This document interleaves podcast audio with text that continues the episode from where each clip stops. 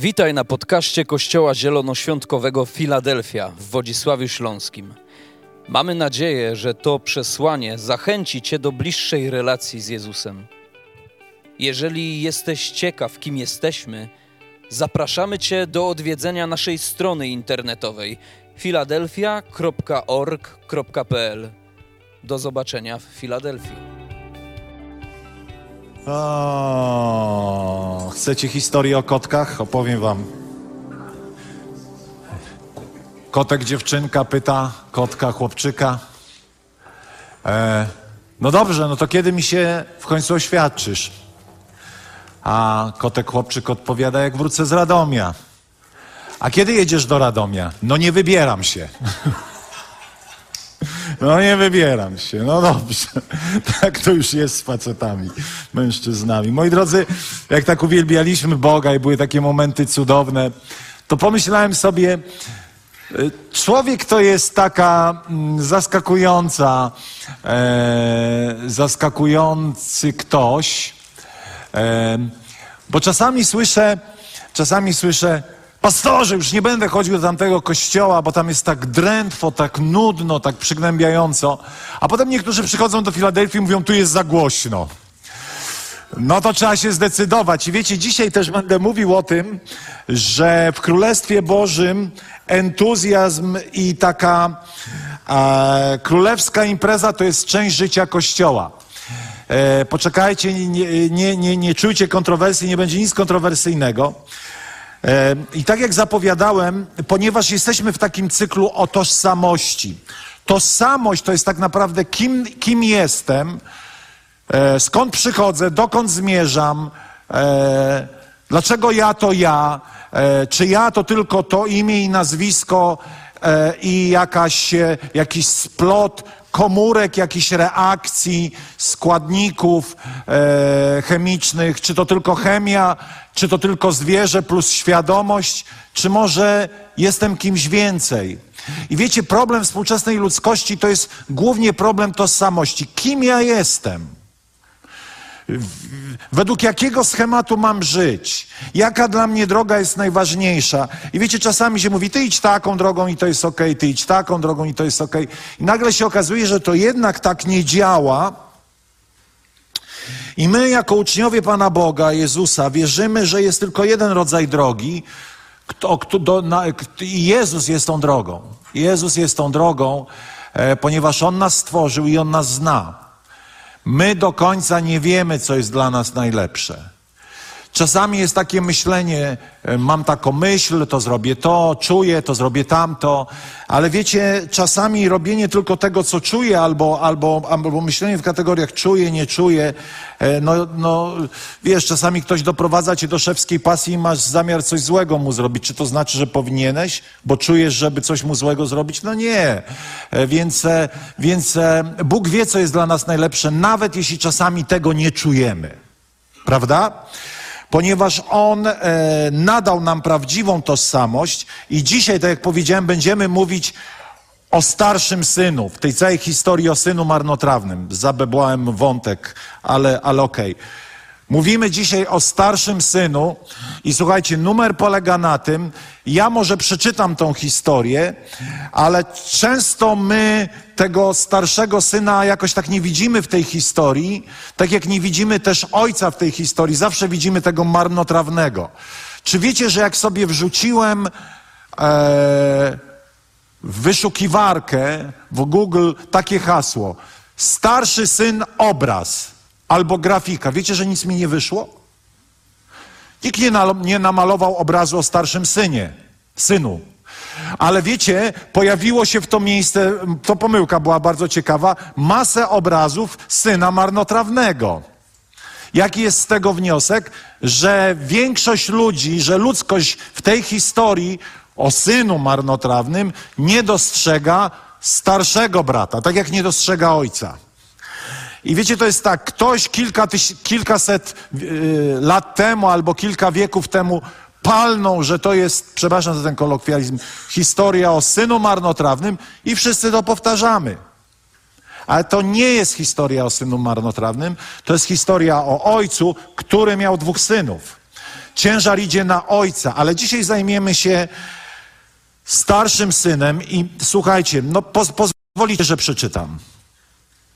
Mateusz 15, rozdział 25 do 27.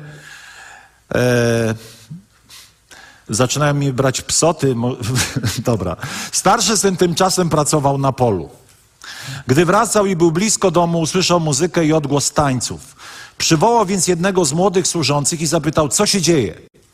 Wrócił twój brat, usłyszał.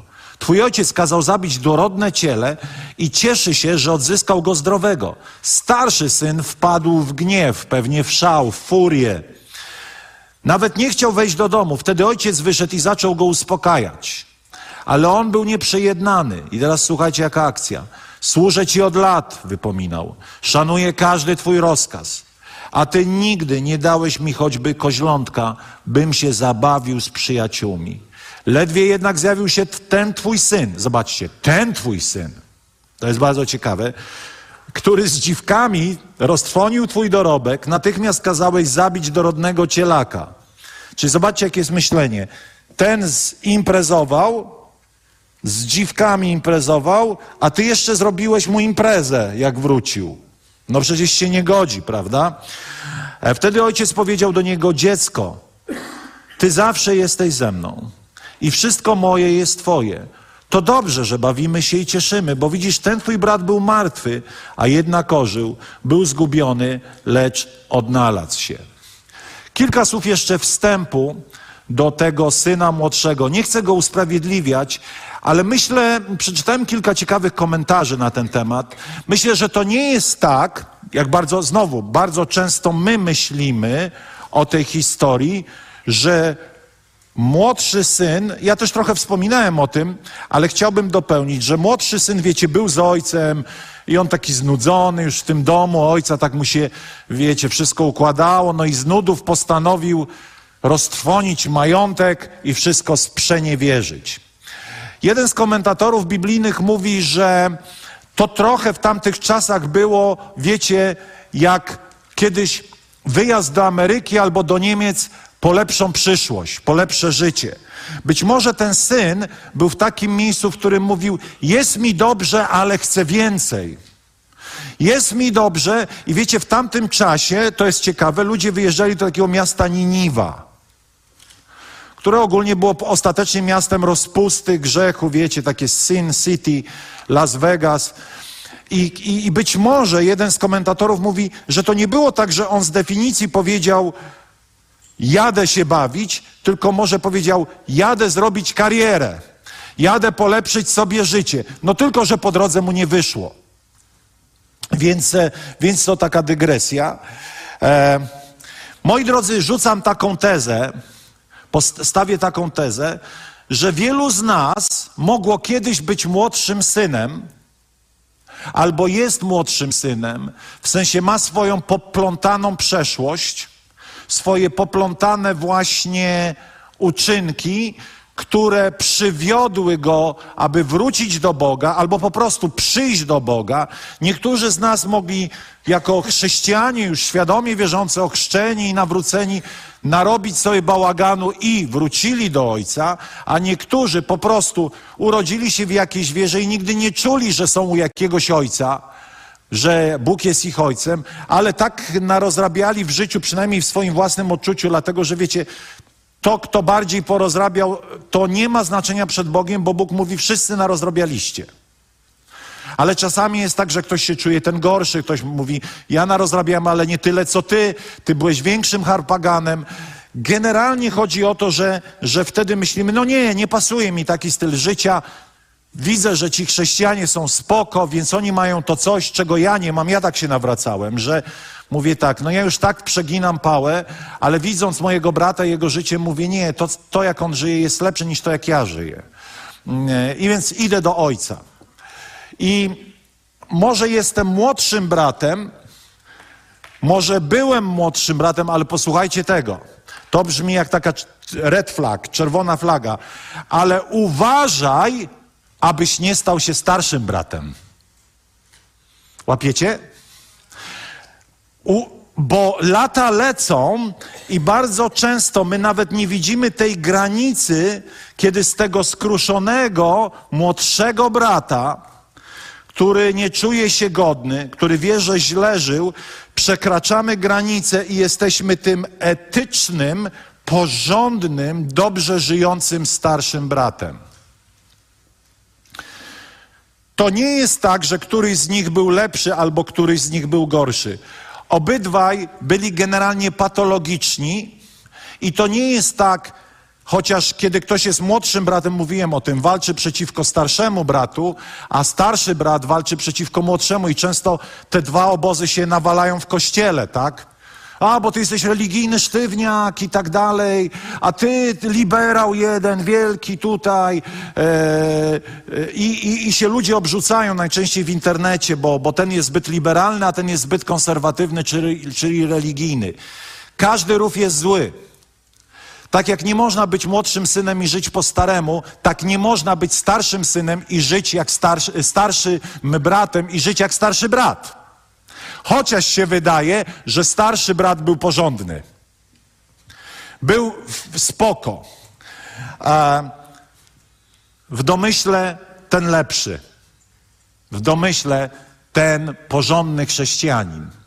Wcale nie taki porządny, wcale nie taki chrześcijanin. Generalnie taka sama sierota jak ten młodszy brat. Obydwaj tylko tamten był świadomy, a ten nie jest świadomy, że jest sierotą, że jest duchową sierotą. Bo posłuchaj tego, możesz być z ojcem, być częścią królewskiej rodziny, a jednak być sierotą. Możesz mieszkać w domu ojca, w sensie duchowym, być chrześcijaninem, niby podążać za Jezusem, a jednak kompletnie nie być blisko Ojca, nie być z Ojcem. Skąd to wiemy? No z tej historii. Wiecie, wiele razy w kościele jest masę ludzi nieświadomych tego, że są duchowymi sierotami, a uważają, że nie są tylko dlatego, że są etyczni. Oto Ozeasz mówi: Lud mój ginie, gdyż brak mu poznania. Bardzo często duchowe sieroty, ci starsi bracia, którzy zewnętrznie wyglądają spoko, są tak samo pozbawieni bliskości ojca, jak tamten, który był daleko. Niebezpieczeństwo polega na tym, że ten był w domu ojca w tej historii. Mieszkał razem z ojcem, ale nie korzystał kompletnie z tego, co ojciec miał dla niego. Bo zobaczcie, w tej historii czytamy kilka takich myśli. Duch sierocy ustanawia cię zawsze, czy, czy sadza cię w pozycji tego, że nie jesteś godny, aby coś posiadać. Pamiętacie, starszy syn mieszkał z ojcem. Mało tego, czytamy w tej historii, że podzielili majątek, czyli starszy syn też dostał swoją działkę. Mógł z nią zrobić, co chciał, ale był tak poprawny, był tak etyczny, że żył żebraczym stylem życia. Mówi: Całe życie jestem z tobą, a nawet drugiego gatunku mięsa mi nie dałeś. I ojciec robi takie oczy. Czyli zobaczcie, miał wszystko, a zarazem nie miał nic. Możesz nawet wiedzieć, że masz wszystko, a zarazem nic nie posiadać. Duch sierocy każe ci żyć na pewnym minimum, ponieważ nie wierzysz, i nie mam na myśli, wiecie, finansów. Mam na myśli egzystencję, moją mentalną egzystencję. Kim jestem? Skąd przychodzę? Kim jest mój ojciec? Wiecie, duch sierocy zawsze mi mówi, że jakby ma takie fałszywe poczucie wdzięczności. Ciesz się tym, co masz i nie chciej więcej. Ważne, że przeżyjesz, nie chciej więcej. E, inni mają więcej, ale ty, no, nie, no ty nie jesteś godzien w sobie, żeby mieć. I nawet jeśli tego nie mówimy, to tak bardzo często się czujemy. Wiecie, kiedy mieliśmy tą sytuację z tymi świadectwami, kiedy Bóg błogosławił ludzi, wiecie, czego najbardziej się obawiałem? Zgorszenia innych. Ale czego ja nie dostałem przelewu? Dlaczego on dostał, a ja nie? Coś ze mną nie tak. Może ja coś robię złego. Albo potem na, następuje taki system wy, wy, wy, wy, wypierania, ponieważ, ponieważ nie chcemy, jakby czujemy się niedobrze z tym, że zostaliśmy w jakiś sposób pominięci, tak sobie tłumaczymy, więc mówimy, a ja tam nie wierzę w takie historie. I jest pozamiatane. To jest duch sierocy, który w ogóle nie dopuszcza, że Bóg może zrobić taką akcję na zasadzie, dobra, uderzamy finansami, błogosławimy ludzi. Wiecie dlaczego? Bo my w ogóle jakby pozbawiamy Ojca troski o nas. Dlatego, że my się czujemy, że On nie powinien, nie może, albo my nie możemy oczekiwać, żeby On troszczył się o nas. Dlatego wypieramy te historie, wypieramy takie zdarzenia, ponieważ czujemy się niegodni, więc musimy wyprzeć cały ten sposób działania z naszego życia, a już na pewno też życia innych ludzi. Zobaczcie, podzielił ojciec majątek, ale on chciał być bardziej papieski niż papież i nie skorzystał. Nawet nie podejrzewał, że może nawet mu przez głowę nie przyszło. Dlaczego? Dlatego, że wewnątrz czuł się sierotą. Wewnątrz żył, jakby nie miał ojca. Wewnątrz żył bez tego, tej relacji, dzięki której mógł doświadczać e, wszystkich błogosławieństw, które wynikały z relacji z ojcem. Twój lęk przed hojnością także może wynikać z tego, że patrzysz na to, co masz dzisiaj w portfelu, a nie na to, co posiadasz jako syn Boży. Halo. No co mi tu jakieś tam po, o powodzeniu? No co mi tu jakieś o powodzeniu? No co mi tu, że Bóg zaopatruje? Mam 200 zł do, do tego, no i co? No i co? Skąd on weźmie? Wypłata jest wypłata. Nie znasz ojca. Zredukowałeś go do swojej wypłaty. Ty mu powiedziałeś, co on potrafi, a czego nie potrafi. Dlaczego? Przepraszam za szczerość, bo go nie znasz. Służę Ci od lat, wspomina. Szanuję każdy Twój rozkaz, a Ty nigdy nie dałeś mi choćby koźlątka, bym się zabawił z przyjaciółmi. Tak jakby ojciec miał mu coś dawać. Przecież wszystko było Jego, On nie musiał o to prosić. Jest napisane, nie troszcie się o to, co będziecie jedli i co będziecie pili. W ogóle się tym nie przejmujcie. No jak to się nie przejmujcie? No to albo wierzymy w to Boże Słowo, albo w nie nie wierzymy. Wiecie, jaki jest problem bardzo często człowieka? Chciałem wziąć Biblię, nie mam Biblii, ale tu jest w środku Biblia. Że my myślimy, że to są jakieś baśnie. Naucz się radykalnie wierzyć w to, co Jezus do ciebie mówi, a przemieni to twoją kalarepę. Przepraszam za to stwierdzenie. Nie troszcie się. No jak to się nie troszcie? No jak to się nie, jak ja się nie zatroszczę, co Pan Bóg się zatroszczy? Jesteś, to, jest, to jest sieroctwo. Dlatego, że ty, nawet jeśli byś w to wierzył, to może, może mówisz, no dobra, no dobra, on tam ma jakieś takie historie, no. Pewnie coś też pododawał, coś nagiął, coś na, nakłamał, że było kolorowo, ale jak ja się nie zatroszę, no to, to jest sieroctwo. To jest sieroctwo. Nie mam ojca. Ojciec jest, nawet jak jest, to go nie obchodzę. To jest ten sposób myślenia.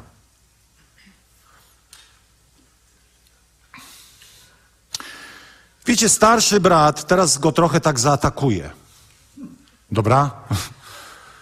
A gdzie byłeś, starszy bracie, jak syn błądził? Nie czytamy o tym, aby starszy brat każdego wieczoru wyczekiwał powrotu swojego brata. Czytamy to o ojcu, ale nie o bracie. Wiecie, tak można się wkręcić w kościół, że kompletnie zapomnieć o tym, że są młodsi bracia tam na zewnątrz. Służę Ci, śpiewam, witam, kawiarenka, kościół dziecięcy, pastor, prorok, to wszystko robimy, ale zapominamy, że jest młodszy brat I On powinien nas obchodzić. On powinien nas obchodzić. Czyli powinni nas wszyscy pogubieni ludzie obchodzić, tych, których Bóg stawia na naszej drodze, ale ponieważ bardzo często, wiecie, lata lecą i tracimy tą perspektywę, że byłem młodszym bratem, staję się tym porządnym chrześcijaninem, który tak bardzo się zafiksował na sobie samym, a przecież w tej historii to brat powinien szukać brata jako ten sprawniejszy, ten silniejszy. Ale brat co brat? Brat był zajęty pracą dla Boga, zamiast zrobić to, co było w sercu ojca. Wiecie, też o tym powiem za chwilę, ale to jest taki wstęp. Można robić w kościele mnóstwo nikomu niepotrzebnej roboty, w której Bóg nie ma upodobania. Pamiętacie tą historię na górze przemienienia? To miał być moment objawienia, ale oni nie mieli tam zostać. Rozbijemy namioty.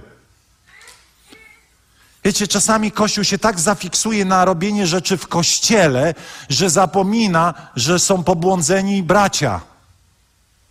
Tracimy serce do tych ludzi na zewnątrz, ale także do tych braci pośród nas, którzy może nie są tak etycznie doskonali. Może mają swoje za uszami. Może popełniają błędy. Nagle jakby przestaje nas w dobrym tego słowa znaczeniu obchodzić los drugiego człowieka i musimy ciągle pilnować swojego serca. Wiecie, to się zaczyna od małych, wielkich spraw. Jest niedziela, jest kawiarenka, nie znam kogoś, przyjdę, przywitam się, zagadam, powiem mu kilka miłych słów. To jest to obchodzenie się, tym obchodzenie e, zainteresowanie tym młodszym bratem. To się w takich rzeczach już zaczyna szukanie tego brata. A, siedzi tam chłop w jakiejś starej kurce, nic mnie nie obchodzi, nawet nie podchodzę. No nie, musimy tego, to jakby w sobie pilnować. Wiecie, tu nie ma, nie ma gwiazdorzenia pośród nas. Jesteśmy po prostu wszyscy młodszymi braćmi, którzy chyba la, poprzez lata mogli, to jest niebezpieczeństwo, słuchajcie, stać się starszymi braćmi tymi w domyśle lepszymi. Starszy brat kochał ojca, ale nie kochał brata. Bo gdyby kochał brata, to by był zafiksowany z radości, że brat wrócił. A co się stało? Był obrażony. To znaczy nie miał problemu może nawet z tym, że brat wrócił, tylko z jakiej paki jeszcze dostał te wszystkie profity. Za co? Za to, że imprezował z dziwkami, to mój ojciec jeszcze imprezę zrobił, tak? No przecież powinien okres próbny w takim tym czworaku przejść jako sługa, myjący toalety i tak dalej. A powiem historię o ojcu, a on mu pierścień daje. Pierścień, znak autorytetu.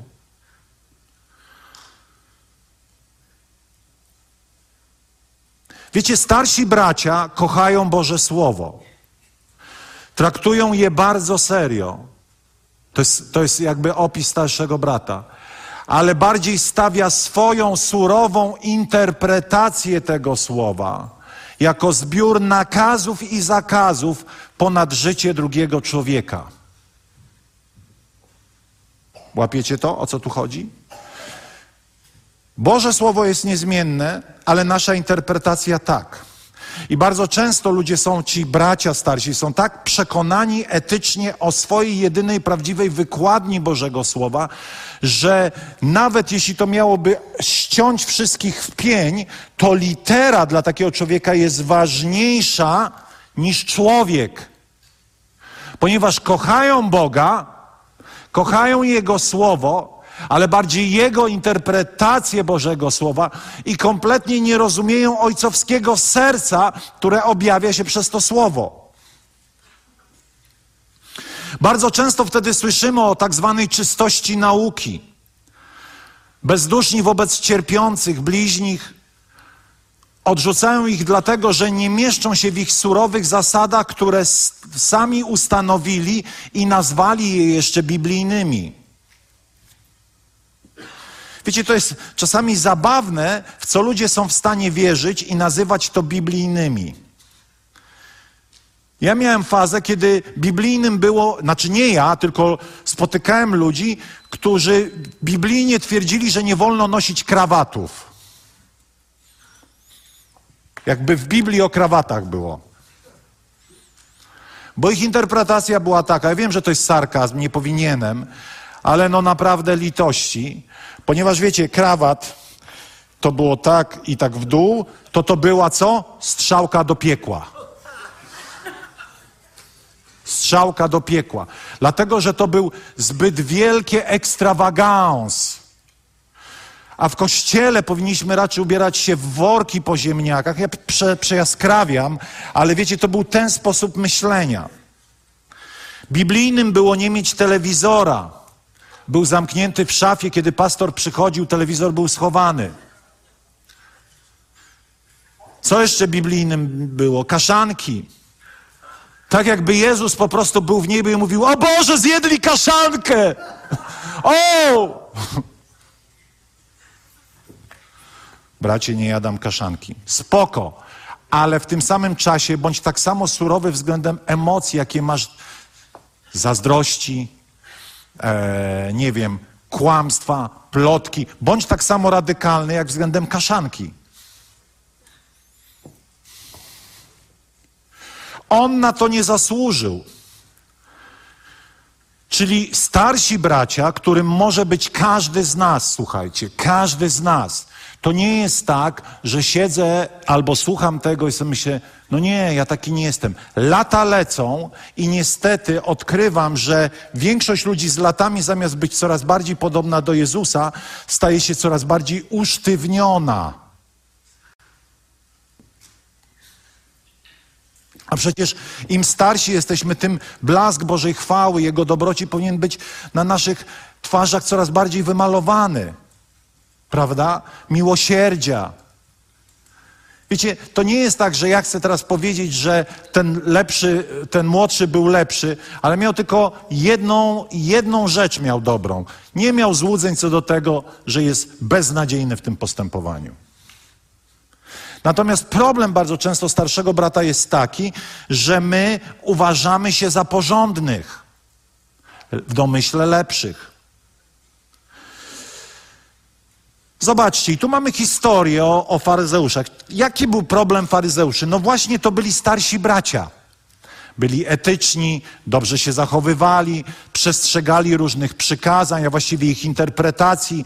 Oni mieli jeszcze komentarze do swoich, do tych wszystkich praw mojżeszowych. Wiecie, e, w tych komentarzach to były takie historie, ile można, w, to do dzisiaj jest, ile można e, w szabat przejść e, kroków, co wolno robić, czego nie wolno robić, czy wolno jechać windą, czy windą nie wolno jechać windą. Jak windą jedziesz, to się kroki nie liczą. To na przykład dzisiaj tak jest, nie? E, I zobaczcie, i Pan Jezus przychodzi i, i pozornie faryzeusze chcieli dobrze. Ale w pewnym momencie ich surowe nakazy, których sami ostatecznie nie wypełniali, narzucali innym, ale byli dumni, jakoby wypełniali. Odchodząc stamtąd, ujrzał Jezus człowieka siedzącego przy cle imieniem Mateusz i rzekł do niego: Pójdź za mną. A on wstał i poszedł za nim. A gdy Jezus siedział w domu, za stołem wielu celników i grzeszników przyszło i przysiedli się do Jezusa i uczniów Jego. I teraz zobaczcie, uaktywniają się faryzeusze, czyli porządni bracia. Co widząc faryzeusze mówili do niego, dlaczego, nauczycielu, dlaczego nauczyciel wasz jada z celnikami i grzesznikami? O bracie, Bracie, no właśnie, no właśnie, my to rozumiemy. Ale jakbyście pewnego dnia zobaczyli, że wasz pastor Arek Krzewodajt siedzi na imprezie tutaj, nie wiem, po prawej sami geje, a po lewej same lesbijki, co byście zrobili? O! O, Jesus! No, a to jest jeden do jeden, to jest tam mniej więcej tak samo. Wiecie, fajnie się czyta, ale życie potem w, trochę w innej odsłonie nagle nas obrusza, starszy brat się uaktywnił. A gdy Jezus to usłyszał, rzekł: Nie potrzebują zdrowi lekarza, halo, tu ziemia. lecz ci, co się źle mają. Idźcie i nauczcie się, co to znaczy. Miłosierdzia chcę, a nie ofiary. Nie przyszedłem bowiem wzywać sprawiedliwych, lecz grzeszników. Tak naprawdę, słuchajcie, posłuchajcie tego, my wszyscy jesteśmy do tego, aby być z tymi chorymi. Im bardziej chory, tym, tym lepiej dla ciebie, bo misja jest większa. My nie jesteśmy po to, żeby spędzać tutaj 7 dni w tygodniu, 24 godziny na dobę, uwielbiać, modlić się. Już Jezus tak słyszy to uwielbienie, mówi ratunku, a tam ludzie giną, no idźcie już, już mnie nie uwielbiajcie, uwielbiajcie mi miłosierdziem. Uwielbiajcie mi miłosierdziem, ludzie.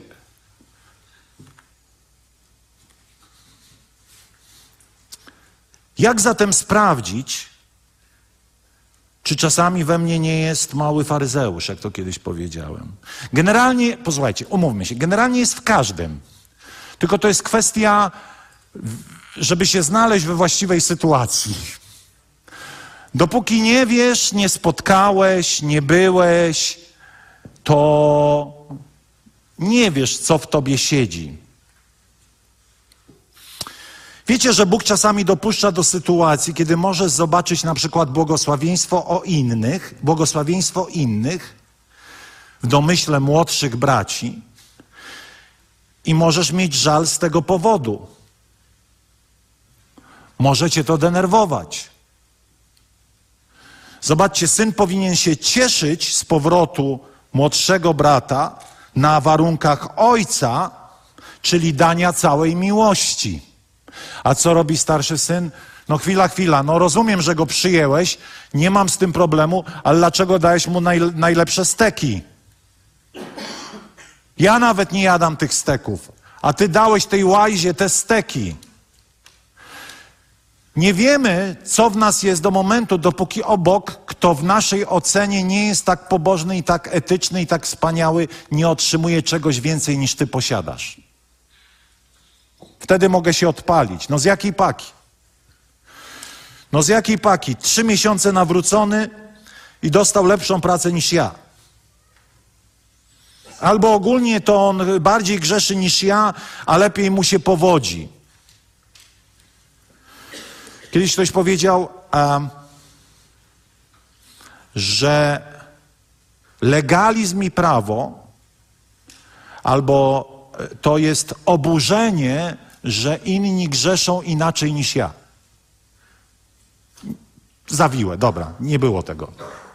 Starszy brat był etyczny, żył po chrześcijańsku. Zły był, że inni tak nie żyją. Wydawało mu się, że jego uczynki powinny decydować o tym, kogo Bóg ma bardziej kochać. Pytanie jest, jeśli nie jesteś zaburzonym rodzicem, czy kochasz jedno dziecko bardziej, a inne mniej? No pytanie retoryczne. Wszystkie kochamy tak samo. Tak? Nawet jeśli te daje nam w kość, to kochamy je tak samo. Niż te, które nie daje nam w kość. Ale starszy syn oczekiwał jednak jakiegoś podziału. Uważał, że młodszy brat nie że młodszy brat zasługuje na karę, a nie jakieś jeszcze tutaj błogosławieństwa. Wiecie, to jest wbrew ja mam tego świadomość, że to jest wbrew naszej mózgownicy, naszemu ludzkiemu sposobowi myślenia. Narozrabiał i jeszcze dostał steki. Czytałem, w swoim, czytałem kiedyś biografię, fragment biografii Billy Grahama, wielkiego kaznodziei, ewangelisty. I jego córka, ale też to słyszałem na pogrzebie Billy Grahama, kiedy nawet prezydent Stanów Zjednoczonych był na tym pogrzebie. O, I wyszła córka i ona mówi tak, ja generalnie byłam szelmą. Dałam mojemu ojcu w kość. Ojciec mówi, nie hajtaj się z tym typem, ja się hajtnęłam. Zostawił mnie. Zostałam sama. I pewnego dnia, mówi, a byłam wrednym dzieckiem, mówi, pewnego dnia, jak już byłam jak ten syn marnotrawny, postanowiłam wrócić do domu. I mówi, wiecie, co mój ojciec powiedział, kiedy mnie zobaczył? Witamy cię, dziecko, w domu i mnie przytulił.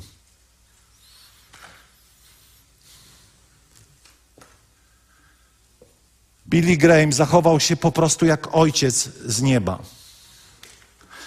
Bo moi drodzy, Starszy syn nie mógł sobie poukładać, jak młodszy mógł otrzymać natychmiast atrybuty szlachectwa, pochodzenia, władzy, autorytetu.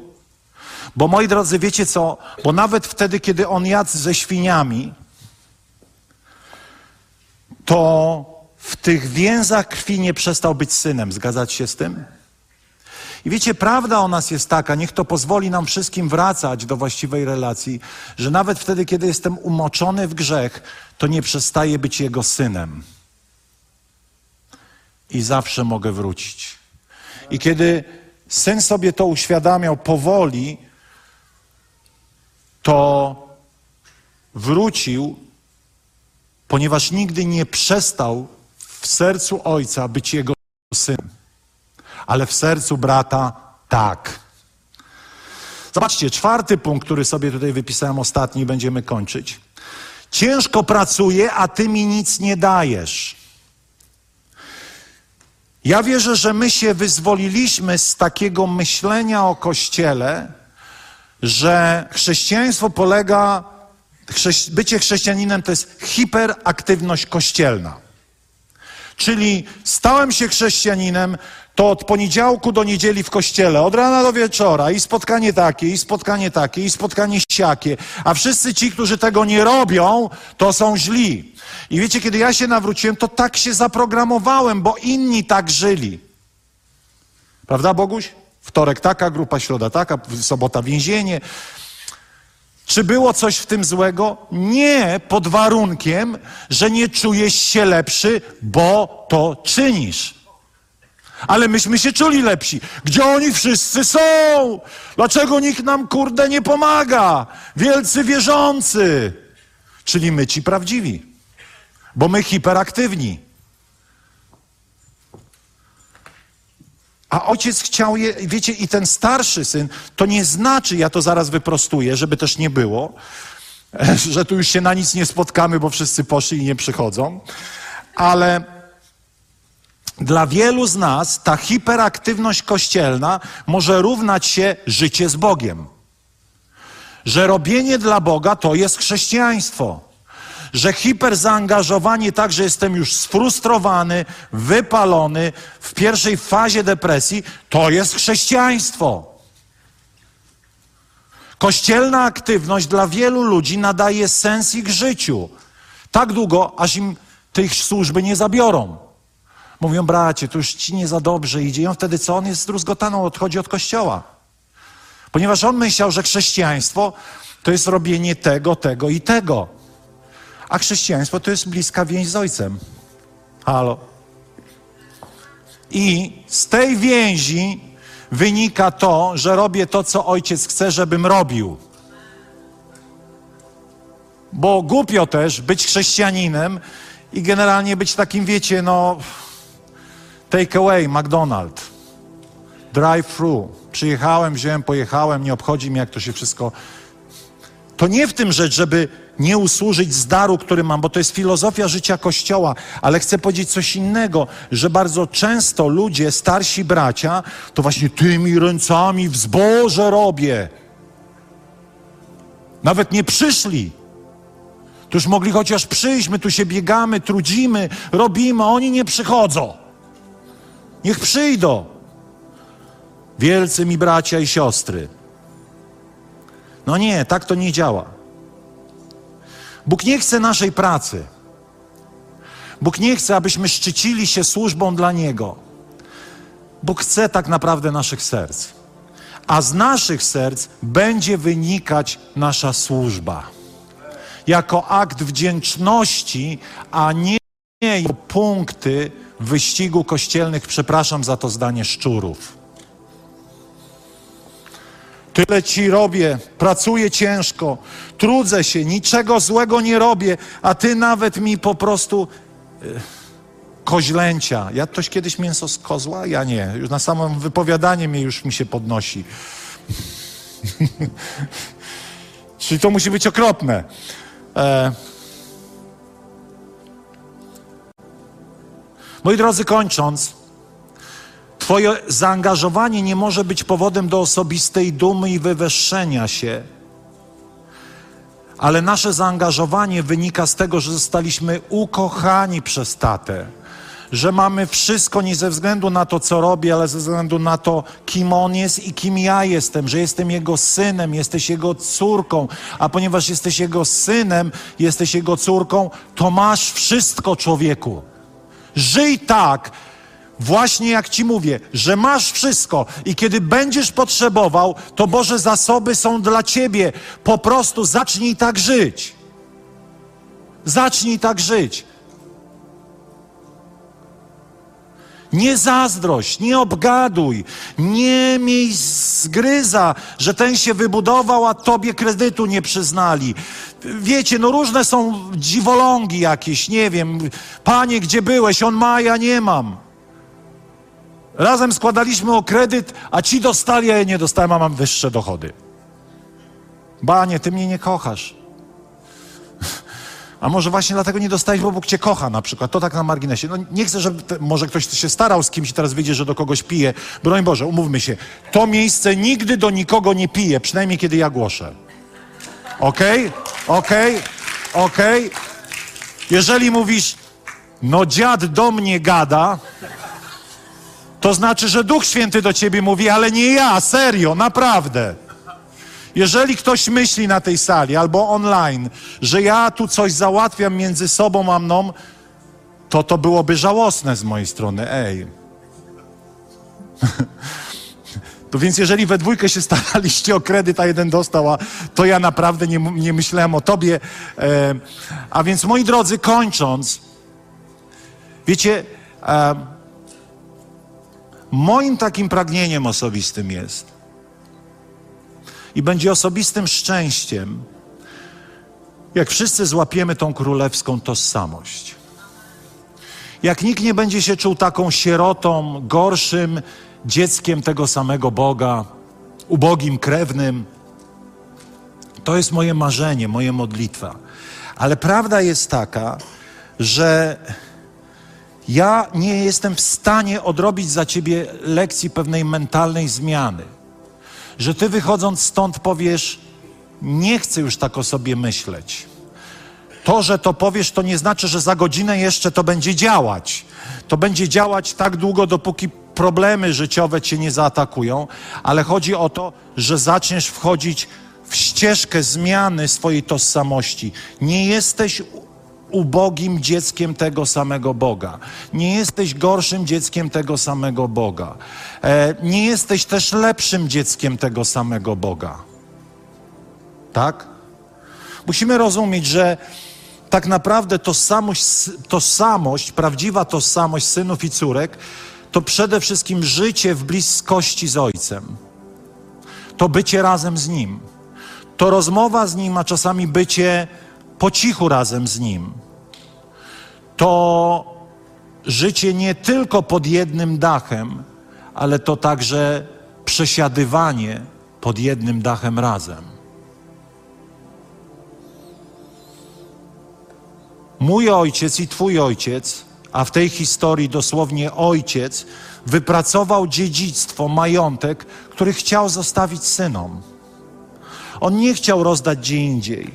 Czyli co mi to mówi? Każdego dnia chcę uczyć się wiary i powtarzać sobie, że w zgodzie z Bożym Słowem Bóg ma dla mnie wszystko.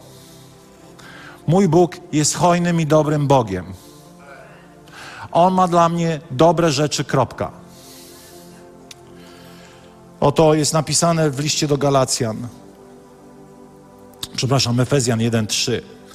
Niech będzie błogosławiony Bóg Ojciec naszego Pana Jezusa Chrystusa, który w Chrystusie obdarzył nas szczęściem uczestnictwa we wszelkim duchowym dobrodziejstwie nieba.